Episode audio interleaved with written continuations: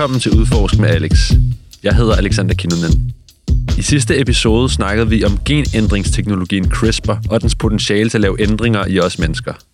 Hvis du vil forstå mere om CRISPR og det basale af biologien bag, er det værd at gå tilbage og lytte til den, hvis du ikke allerede har gjort det. I dag skal det handle om CRISPR og dyr. Og bare rolig. Hvis du ikke er helt opdateret på genteknologier, skal du nok kunne følge med alligevel. Grundlæggende er det bare værd at forstå, at vi med de her nye teknologier har fået mulighed for at lave genetiske ændringer i andre levende arter. Det er ret vildt. Malaria-myg er helt oplagt et af de dyr, som det ville give allerbedst mening at modificere lidt. For eksempel til ikke at sprede malaria. Potentialet er virkelig stort, men det er farerne, som er forbundet med det også. I den anden ende af størrelsesskalaen skal vi bagefter tale om mammutter. En vild videnskabsmand er nemlig godt i gang med at bringe dem tilbage fra fortiden. Og ind imellem kommer vi forbi udryddelsen af skadedyr i New Zealand, og så selvfølgelig også en smule om muligheden for en ægte Jurassic Park fyldt med dinosaurer. Lad os starte med malaria-myggen for rigtigt at forstå den her CRISPR-teknologi og dens mange fordele og ulemper. Her er bioetiker Miki Geis. Der er ikke nogen tvivl om, at der er nogle arter, der giver os mennesker meget store problemer. Det kan være myg, der spreder malaria. Og vi bliver nødt til at finde en løsning på det for at undgå unødig menneskelig lidelse. Men de redskaber, vi bruger til at gøre det, skal vi være forsigtige med. Og der må man sige, at hvis vi begynder at sætte gener ind i myg, som gør, at de kan udrydde en hel art, altså risikerer vi at rykke for nogle balancer i økosystemet, der kan give os endnu større problemer. Malaria er mildest talt noget rigtig skidt. Malaria-myg smittede i 2021 mere end 200 millioner mennesker på kloden, og omkring 625.000 mennesker døde af parasitten. Det gør malaria-myg til verdens farligste dyr. Hvad der gør slemt værre er, at tre ud af fire af de døde er børn under 5 år. Sygdommen er nemlig hårdest ved dem, der har svage immunforsvar, særligt yngre børn og gravide. Desværre rimer malaria på Afrika, fordi 95% af alle verdens malaria-tilfælde finder sted på det store kontinent, primært i landene lige nord og syd for ekvator. Her er en gammel reklame fra Røde Kors. Blessing fra Liberia er 6 måneder gammel. Hendes tvillingesøster er død af malaria. Blessings liv er også i fare, for hendes mor har ikke råd til et myggenet. Når mørket falder på, kommer myggene. De kan med et enkelt stik give Blessing den dødelige malaria. Giv myggenet og red liv. Send malaria. Kort fortalt er malaria navnet på den parasit, der spredes gennem bid fra inficeret hundmyg fra Anopheles-familien. En parasit er en lille organisme, som lever af en anden organisme. Parasitter bliver også helt officielt kaldt for snyltere. Altså, sygdommen malaria kommer ikke fra selve myggen, men fra en parasit, der lever i myggen, og som den så spreder til mennesker gennem sit bid. Ordet malaria, mal, aria, betyder dårlig luft, direkte oversat fra gammelt italiensk, og stammer fra, at de gamle romere troede, at sygdommen kom fra skadelige dampe i sumpområder. Det var først langt senere, at man fandt ud af, at sygdommen skyldes myggebid, og altså ikke dampe. Men myg trives rigtig nok i sumpområder, så de var ikke helt galt på den. Malaria er faktisk ikke en tropisk sygdom, og historisk set har sygdommen været udbredt stort set overalt på kloden, inklusiv i Europa og Nordamerika. Den er så siden bare blevet udryddet alle steder på nær i troperne. Her er Hanne Epstein og Christoffer Fogler fra Læger Uden Grænser. Langt de fleste tilfælde af malaria er i Afrika syd for Sahara, men vi ser også sygdommen både i Latinamerika, Asien og nogle steder i Mellemøsten. Malaria findes primært i lavtliggende jungleområder, hvor der er fugtigt, øh, og det er alt sammen godt for malaria-myggen. Den befolkning, der bor i de områder, er ofte fattig. Øhm, og de bor i lærklinede huse med tag af siv. På den måde så er det jo øh, ofte dem, der i forvejen ikke har ret meget, som bliver ramt af malaria. Det er som sagt kun myg fra Anopheles-familien, der kan sprede malaria. Anopheles betyder ubrugelig, oversat fra oldgræsk, og det er vist en mild måde at sige på, hvor djævelsk den her parasit og dens myggehost egentlig er. Det er virkelig nedtur at få malaria. Malariaparasitten giver især meget høj feber, kraftige kulderystelser, muskel- og ledsmerter, svimmelhed og hovedpine. I alvorlige tilfælde kan man gå i koma og dø. Det, der sker med øh, malaria-patienter, det er, at øh, deres øh, røde blodlemmer går til grunde, gør, at øh, patientens blodprocent øh, bliver lav, øh, og de får problemer med at få ilt nok rundt i kroppen. Et af de hårdest ramte lande af malaria er Burkina Faso i Vestafrika. Her berører malaria stort set alle familier. Ud af en befolkning på lige over 20 millioner mennesker, regner man med, at der var mere end 10 millioner malaria-tilfælde i 2020. Og med næsten 20.000 døde af malaria, altså omtrent 1% af befolkningen, svarer det til, at mere end hver femte dødsfald i Burkina Faso skyldes malaria. Hvis vi kort sammenligner tallene med Danmark, er det tydeligt, hvor slemt det står til. I Danmark dør ca. 1% af befolkningen hvert år af alle dødsårsager til sammen, og de fleste, der dør, er relativt gamle. Når det gælder malaria, er de fleste, der dør, små børn. Og for mange, der dør, er kun den forfærdelige top af isbjerget. For med mere end 10 millioner smittetilfælde hvert år i Burkina Faso, er der altså alt for mange, der bliver syge og får ubehagelige eftervirkninger. Børnene er igen hårdest ramt. Listen over potentielt livslange konsekvenser ved malaria er nemlig lang, og den dækker over lidelser lige fra blodmangel til seriøse kognitive og fysiske handicap. Malaria er virkelig ikke særlig sjovt. I personally find it incredible that such a tiny animal is world's most dangerous predator. Yeah, it is pretty amazing. You know, it's only about this big, but they're very sneaky, very persistent, and they're also very adaptable. Selvom der sker langsomme fremskridt i at bekæmpe malaria på verdensplan, er der også store problemer forbundet med det. Et af problemerne er, at myggene bliver mere og mere resistente over for de sprøjtemidler, der bliver brugt imod dem. Det gør for eksempel de sprøjtede myggenet mindre effektive. Men ingen kan alligevel leve under myggenet hele tiden. Og så bliver selve parasitten også mere og mere resistent over for den malaria-medicin, som bruges til at behandle de smittede. Researchers have reported clinical evidence that shows that drug-resistant mutations of the parasite responsible for malaria could be increasing in Africa. Drug resistance is a naturally occurring phenomenon, whether it is to malaria or bacterial infections. Anytime a microorganism, such as the malaria parasite, is exposed to a threat, such as the drug, there are a few parasites that will survive. These parasites will survive because they are resistant or because they are capable of developing resistance. Selv hvis vi på en eller anden måde får bugt med antimalaria-resistens, bor mange af dem, der bliver smittet med malaria i afsidesliggende landområder, langt fra hospitaler og lægehjælp. Så vil det ikke være fantastisk, hvis vi med et trylleslag kunne fjerne malaria? Det er der nogle forskere, der mener, at vi kan ved brug af den genændrende teknologi CRISPR. Ideen bygger på såkaldte gene drives, der kort kan forklares som en ny måde at gøre gener aflige på. Men hvorfor er det nødvendigt? Jo, når man bruger en teknik som CRISPR til at ændre i generne på et dyr i det fri, vil de ændringer typisk ikke sprede sig særlig effektivt til resten af populationen, hvis overhovedet. Først og fremmest vil et gen, hvis det kun findes i enten moren eller faren, kun sprede sig til halvdelen af deres afkom. Det hedder et mendelsk arvemønster. Og derudover er kampen for overlevelse hård i naturen. Stort set alle ændringer, vi mennesker har lavet eller kan tænke sig at lave gennem selektiv avl eller CRISPR på planter og dyr, gør dem dårligere egnet til at sprede deres nye gener naturligt. Det gælder alt fra frugter uden kerner til forme for meget pels. Eller malariamyg, der ikke længere kan sprede sygdom. I 2015 viste det sig, at man kan bruge genændringsteknologien CRISPR til at skabe et såkaldt supermendelsk arvemønster. Det betyder, at hvor et gen før kun blev nedarvet i halvdelen af afkommet ved parring, videreføres det nu i stedet med næsten 100% sandsynlighed. I stedet for bare at være på det ene kromosom, kan det nye gen indsætte en slags automatisk kopimaskine, der gør, at genet simpelthen kopierer sig selv. Ved at indføre lidt unfair konkurrence, kan man så få de nye, dårlige gener til at sprede sig mere end de gode gener. Man sætter på en måde gang i en genetisk kædereaktion. Så hvis man synes, det lyder lidt vildt, at man med CRISPR enten kan ændre i en person eller i den persons fremtidige børn, så stop lige op og overvej, hvor meget vildere det er, at gene drives kan lave genetiske ændringer i en hel art. Potentialet er gigantisk.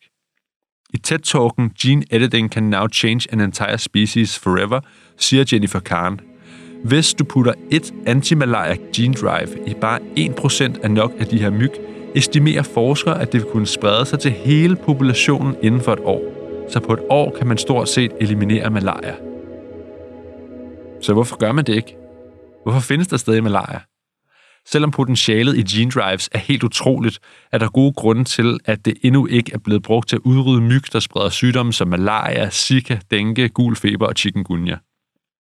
En af de største grunde er, at konsekvenserne hurtigt kan blive uoverskuelige, hvis man slipper gene drive fri i naturen. Alle økosystemer er utrolig komplekse, og selv små ændringer kan skabe store forandringer over tid. Her er bioetikeren Miki Geis, som vi også hørte fra i starten igen. Vi skal ikke glemme, at mange af de problemer, vi står med, skyldes vores eget misbrug og manglende forståelse af de økologiske sammenhænge. Så derfor vil jeg være meget forsigtig, inden jeg begyndte at slippe noget ud i naturen, som det kan være meget, meget svært at trække tilbage igen. For ham er der ikke den store forskel på, om man udrydder arter ved brug af CRISPR eller gift.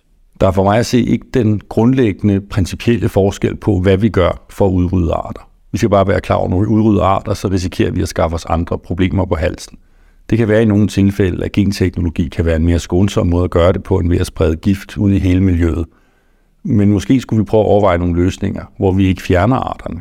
Jeg er ikke ekspert på malaria og myg, men jeg kan bare se, at hvis vi begynder at rykke ved økosystemernes balance, som er blevet fine-tunet igennem mange, mange år, ja, så risikerer vi altså at stå i en værre situation. Det vil selvfølgelig ikke være så godt. Og så handler det for Mikael Gjerris også om vores syn på naturen. Og samtidig så er sådan nogle teknologier jo også udtryk for et bestemt natursyn. Natursyn, der handler om, at naturen er til for vores skyld og skal tilpasses vores behov. Og der tror jeg også, at vi skal være varsomme, inden vi begynder at lave alt for meget om på naturen, og prøve at finde på måder, hvor vi kan leve med naturen i stedet for mod naturen. Når alt det er sagt, så kan det godt være, at i nogle tilfælde, så er de her teknologier den eneste løsning på vores problemer.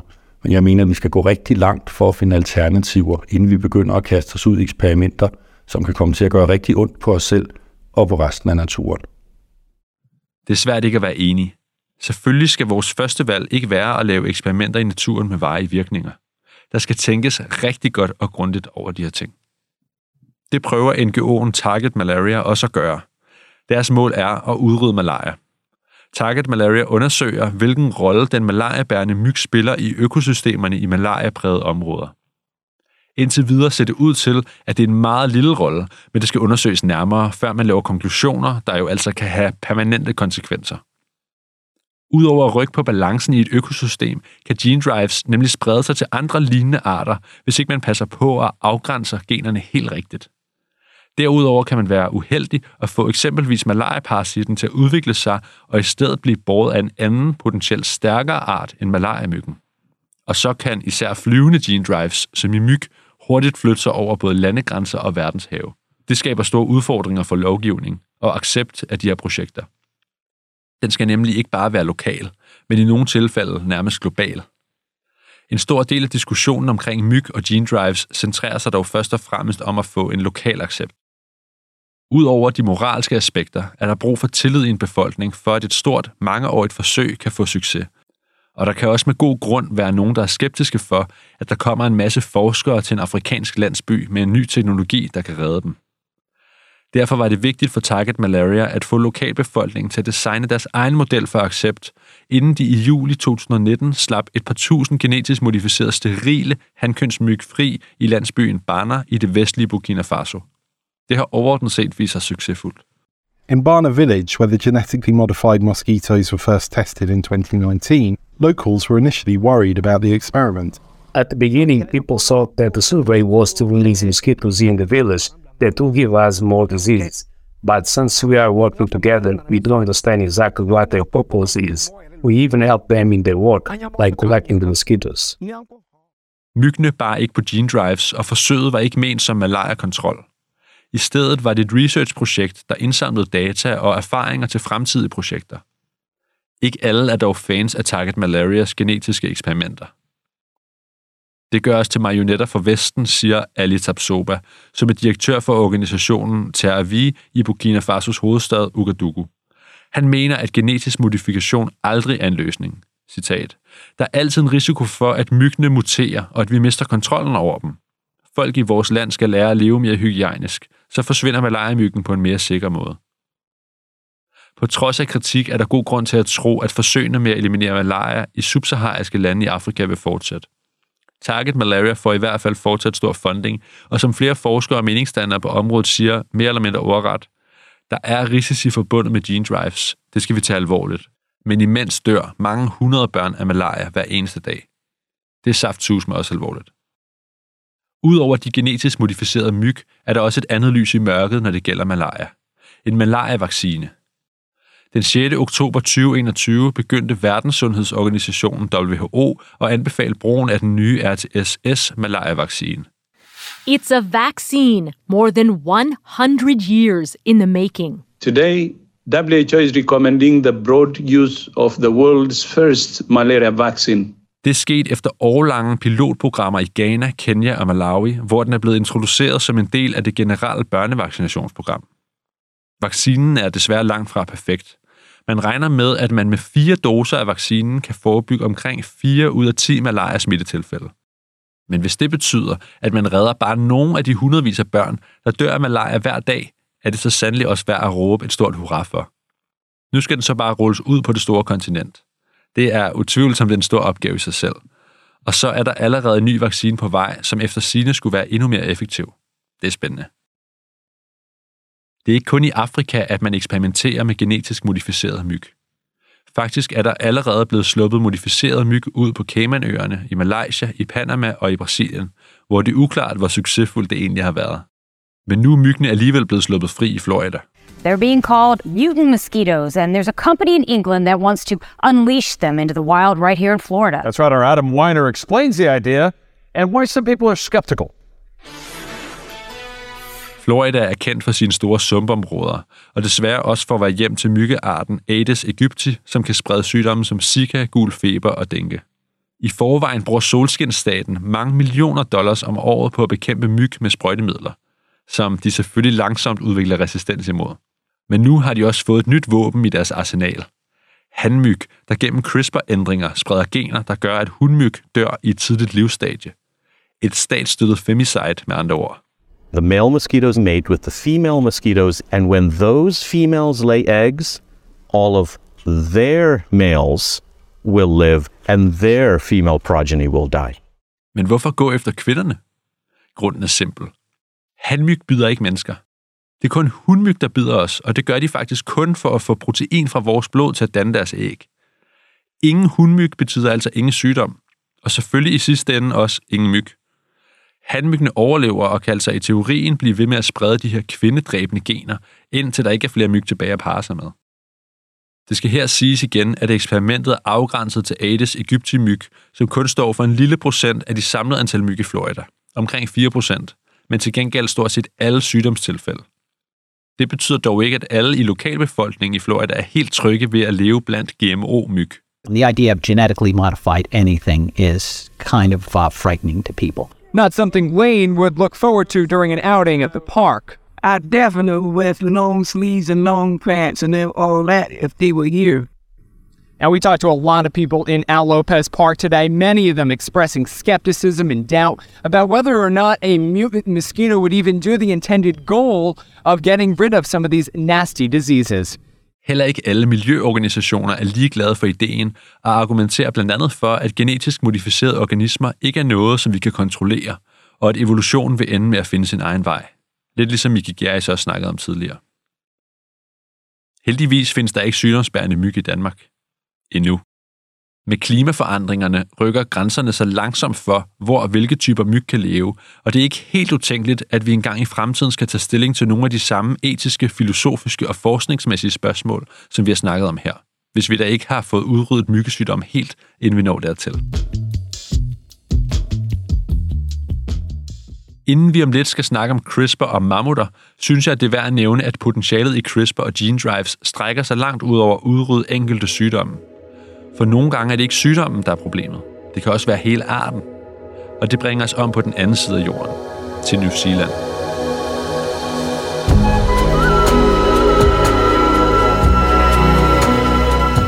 Inden der landede mennesker på de afsidesliggende øer for små tusind år siden, var der stort set ingen pattedyr, udover et par flagermus. Men i takt med, at polynesere og europæere begyndte at lægge til i det dengang uspolerede paradis, vi i dag kalder New Zealand, introducerede de en lang række dyr. Først rotter. Sidenhen blandt andet også katte og forskellige dyr inden for morfamilien. Nye dyre- og plantearter er selvfølgelig blevet introduceret overalt på kloden i takt med, at mennesker har flyttet sig rundt. Det er der ikke noget unikt i. Alligevel er situationen i New Zealand speciel. For det første, fordi folk har bosat sig i New Zealand meget sent i historien, nemlig så sent som i 1300-tallet. Og for det andet, fordi landet ligger super langt væk fra andre landmasser. Selv Australien, New Zealands storebror og nærmeste nabo, ligger cirka lige så langt væk, som Danmark ligger fra Spanien. Med intet andet end havet imellem sig. Det har betydet, at New Zealand i løbet af millioner af år har udviklet en helt særlig flora og fauna med en masse endemiske arter. Altså arter, der kun lever der. Den ikoniske kiwifugl er et af de mest elskede og kendte eksempler. Faktisk holder New Zealanderne så meget af de små sjove fugle, at de har opkaldt sig selv efter dem. Inden mennesket ankom til New Zealand, var der millioner af kiwifugle. I dag er der under 70.000 tilbage i det fri, og det tal falder med ca. 2% om året. Fordi der aldrig udviklede sig nogen naturlige trusler i skovbunden, kan kiwifuglene nemlig ikke flyve, og de er i dag troet af blandt andet hermeliner, hunde og katte. Within the next 50 years, we could lose kiwi. They could become extinct. If we don't save them, eventually there'll be none left. And that'd be a disaster as far as Kiwis concerned. What would we call ourselves? Siden New Zealand blev koloniseret af mennesker, er cirka halvdelen af alle vivldyr i landet i det hele taget uddøde. De fleste af dem fugle. Så, den 26. juli 2016 annoncerede den daværende premierminister John Key, at New Zealand skulle være predator-free i 2050. Det vil sige fri for rovdyr. Rovdyrene er defineret som rotter, hermeliner og possums, altså pungrotter. Tilsammen dræber de tre dyr 25 millioner indfødte fugle om året, og i det hele taget skader de den newzealandske natur helt vildt meget. Lots of our creatures still aren't safe from predators. We can make New Zealand a safe place for the animals who've called it home for millions of years. Join us in making New Zealand wildlife safe from introduced predators. Ingen lande har nogensinde haft held med at gøre noget, der bare minder om omfanget af New Zealands Predator Free 2050-plan. En lille ø ud fra Australien blev fri fra rotter, mus og kaniner i 2014 efter en intens indsats. Men New Zealand er altså 2.000 gange større. En af de metoder, der kan hjælpe New Zealand med at nå sit vanvittige mål, der er blevet sammenlignet med at putte den første mand på månen, er gene drives. Det kan være effektivt. Lav nogle ændringer i noget genetisk kode, slip dyrene fri og lad dem sprede deres egen udryddelse. Men nogle forskere er bange for, at det kan være for effektivt. Så snart vi snakker om gene drives, kan konsekvenserne nemlig hurtigt blive uoverskuelige, hvis ikke man virkelig passer på. Pungrotterne er et af New Zealandernes absolute hadedyr. Men mens de er upopulære i New Zealand, er de faktisk beskyttet i Australien. Og selvom der er langt mellem de to lande, er der med gene drives en risiko for, at farlige gener utilsigtet kan sprede sig mellem naboerne down under. Og når først de modificerede gener er i Australien, er der ikke så langt til Sydøstasien. Man vil gerne udrydde rotter, hermeliner og possums i New Zealand. Men vil man samtidig tage risikoen for at starte en økologisk katastrofe af globale proportioner? Det ser umiddelbart ikke sådan ud. Der bliver i hvert fald ikke længere puttet forskningsmidler i gene drives i forhold til et rovdyrsfrit New Zealand. Men grønforskningen fortsætter stadig mange andre steder. Og det er langt fra kun New Zealand, der er interesseret i at kunne kontrollere invasive arter, eller i det hele taget, hvilke dyr, der får lov til at leve, og hvilke, der skal dø. Nøgleordet er kontrol. For bedre at kunne kontrollere gene drives og gøre dem mindre altudslættende, bliver der arbejdet på en metode, der hedder daisy chain gene drives. Mens generelle gene drives i princippet kan sprede sig i al uendelighed, er ideen i daisy chain gene drives, at de genetiske modifikationer stopper af sig selv efter et par generationer. Forskningen er stadig på et relativt tidligt stadie, men hvis de virkelig kan virke, kan man måske få det bedste fra begge verdener.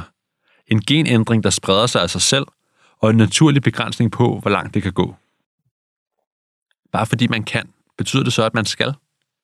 Det er det helt store etiske spørgsmål med gene drives, og i det hele taget med al CRISPR-relateret forskning. Vi kender efterhånden ret godt til vores problemer, men det hele bliver meget mere mudret, når det kommer til løsninger. Det har ukendte konsekvenser at handle, men det har jo virkelig også kendte konsekvenser ikke at handle. Vi er guder og kan lige så godt blive gode til det, skrev Stuart Brand i Whole Earth Catalog magasinets mission statement i 1969. Siden har han opdateret udtalelsen til, at vi er guder og bliver nødt til at blive gode til det. En ting er at udrydde arter. Det kræver ikke overnaturlige kræfter, bare dræbertrang og de rigtige værktøjer.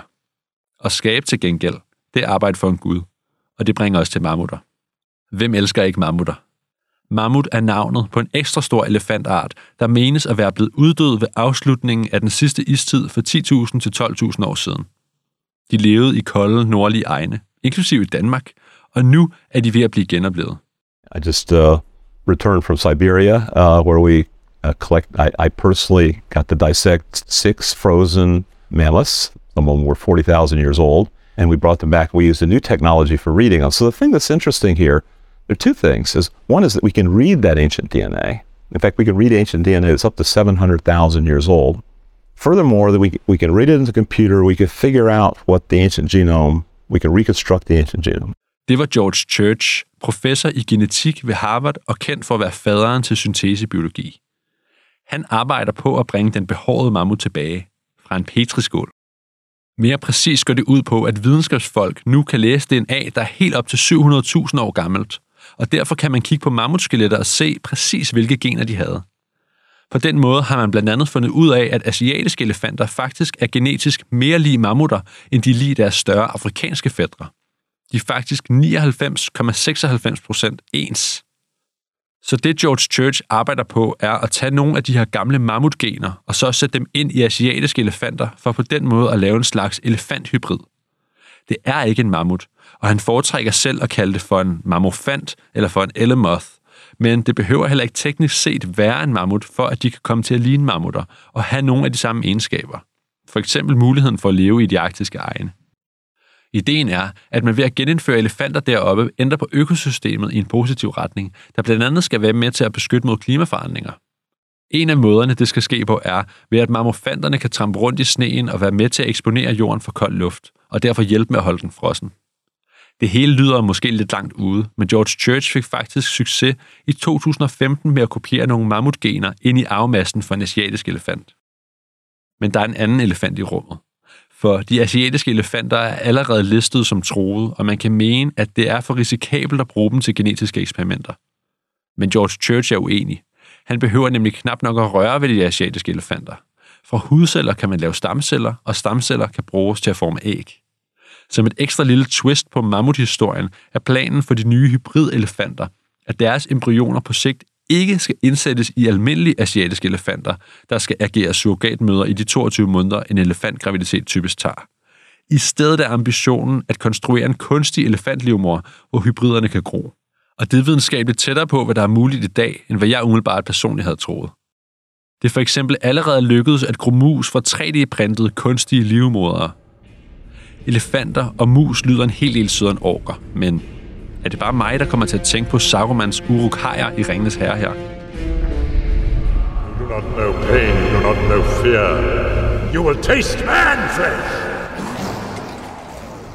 Ligegyldigt hvad, er der lang udsigt til at se flokke af hybrid mammutelefanter rende rundt i de arktiske egne. Et halvt århundrede måske, hvis alt går godt. Og til den tid kan den arktiske permafrost være smeltet. Uanset hvad, kan teknikkerne, der bliver udviklet til mammutterne, selvfølgelig også bruges på andre måder. Det nordlige hvide næsehorn for eksempel er funktionelt uddød. Der findes nemlig kun to næsehorn tilbage, og de er begge så hundkøn. Det er mor og datter, og moren er endda syg. Men arbejdet er i gang for at hjælpe dem, og der er gennem IVF-teknikker skabt embryoner, der en dag kan indsættes i en nært beslægtet surrogatmor, og på den måde føre slægten videre. I New Zealand bliver genomsekvensering brugt til at hjælpe den endemiske kakapo, en stor grøn papegøje, der ikke kan flyve. Og andre steder i verden arbejder forskere og miljøforkæmpere på lignende genopretningsprojekter. Når man snakker om at bringe dyr tilbage fra de døde, er det næsten umuligt ikke at tænke på Jurassic Park. Hvor dinosaurgenerne faktisk bliver hentet fra myg, der er bevaret i millioner af år gammelt rav. Her er et klip fra filmen, der kom ud i 1993. There's one thing the history of evolution has taught us it's that life will not be contained. Life breaks free, it expands to new territories, and it crashes through barriers painfully, maybe even dangerously. But you're implying that a group composed entirely of female animals will breed? No, I'm, I'm simply saying that life finds a way.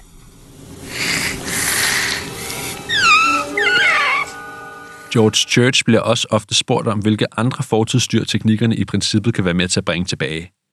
T-Rexes, sabeltiger og neandertaler bliver bragt op. Men som han selv siger, så arbejder han ikke på det.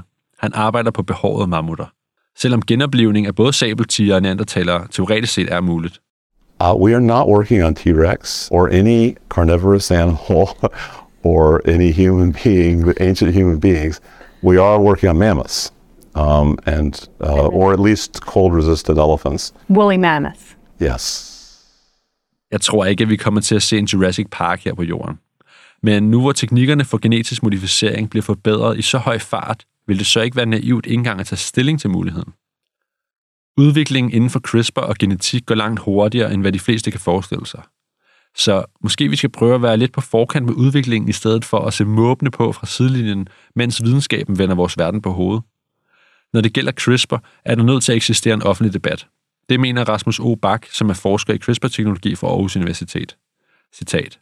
Det skal være en samtale om, hvilke teknologiske og videnskabelige fremskridt, der er ønskværdige, men også om de metoder og muligheder, der ikke skal videreudvikles. For uanset om vi ved det eller ej, så er CRISPR-teknologien her med alt, hvad den byder på. Det er vores ansvar, men også privilegium at kridte den videnskabsetiske bane op. Jeg er helt enig. Det er ikke kun forskere, der skal være med i den her samtale. For CRISPR har potentialet til at berøre os alle sammen, både nu og i fremtiden. Jennifer Doudna, den amerikanske forsker, der sammen med Emmanuel Charpentier opdagede CRISPR i første omgang, får det sidste ord. Citat.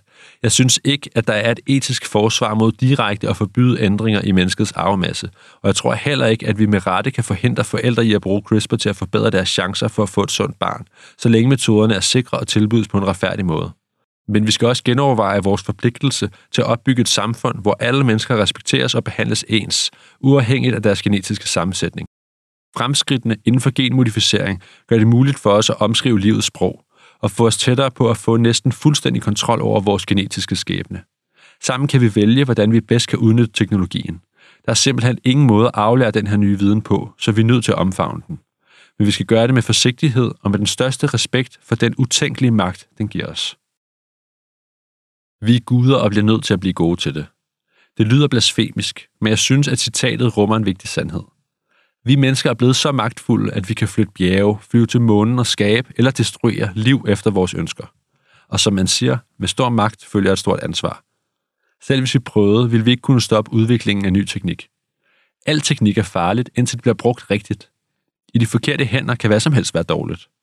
Ånden er ligesom sluppet ud af flasken. Derfor har vi ikke noget valg. CRISPR skal bruges rigtigt af de rigtige, og det kræver både offentlig debat og politisk vilje. Det hjælper aldrig at være bange for noget nyt, for videnskaben bulrer der ud af, uanset om vi lægger mærke til det eller ej. I stedet for at være skræmte, skal vi lære at forstå de nye teknikker. Det er vigtigt at forstå, hvordan de kan blive misbrugt, men det er endnu vigtigere at forstå, hvordan de kan gøre verden til et bedre sted. Jeg håber, at du føler, at du er blevet klogere på CRISPR og alle de muligheder, det fører med sig, at vi nu kan ændre i selve kildekoden til livet, og farne forbundet med det. Det kan virkelig overvældende. Men selvom der er mange tænkelige uhyggelige scenarier, er der i min optik trods alt størst grund til at være optimistisk. Jeg er i hvert fald personligt vildt spændt på, hvordan verden kan se ud, når vi har lært at bruge de her værktøjer rigtigt. Og det skal vi nok. Det bliver vi nødt til. Noget andet, vi bliver nødt til, er at få styr på den her klimakrise. Hvordan man gør det, snakker jeg med Thomas Hepskov om næste gang. Han er en af forfatterne bag bogen, Hvis vi vil, den absolut realistiske guide til at bremse klimakrisen, før det er for sent. Det er en samtale fyldt med håb, som jeg tror, at mange godt kunne bruge et ekstra skud af lige nu. Indtil da vil jeg virkelig sætte pris på, hvis du vil skrive en anmeldelse af Udfors med Alex i din podcast-afspiller, eller hvis du vil dele episoden på dine sociale medier. Kildelisten kan findes på alexanderkilonen.dk-udforsk, hvor du også kan finde en transkription af episoden og yderligere læsning. Tak for nu. Ha' det fantastisk.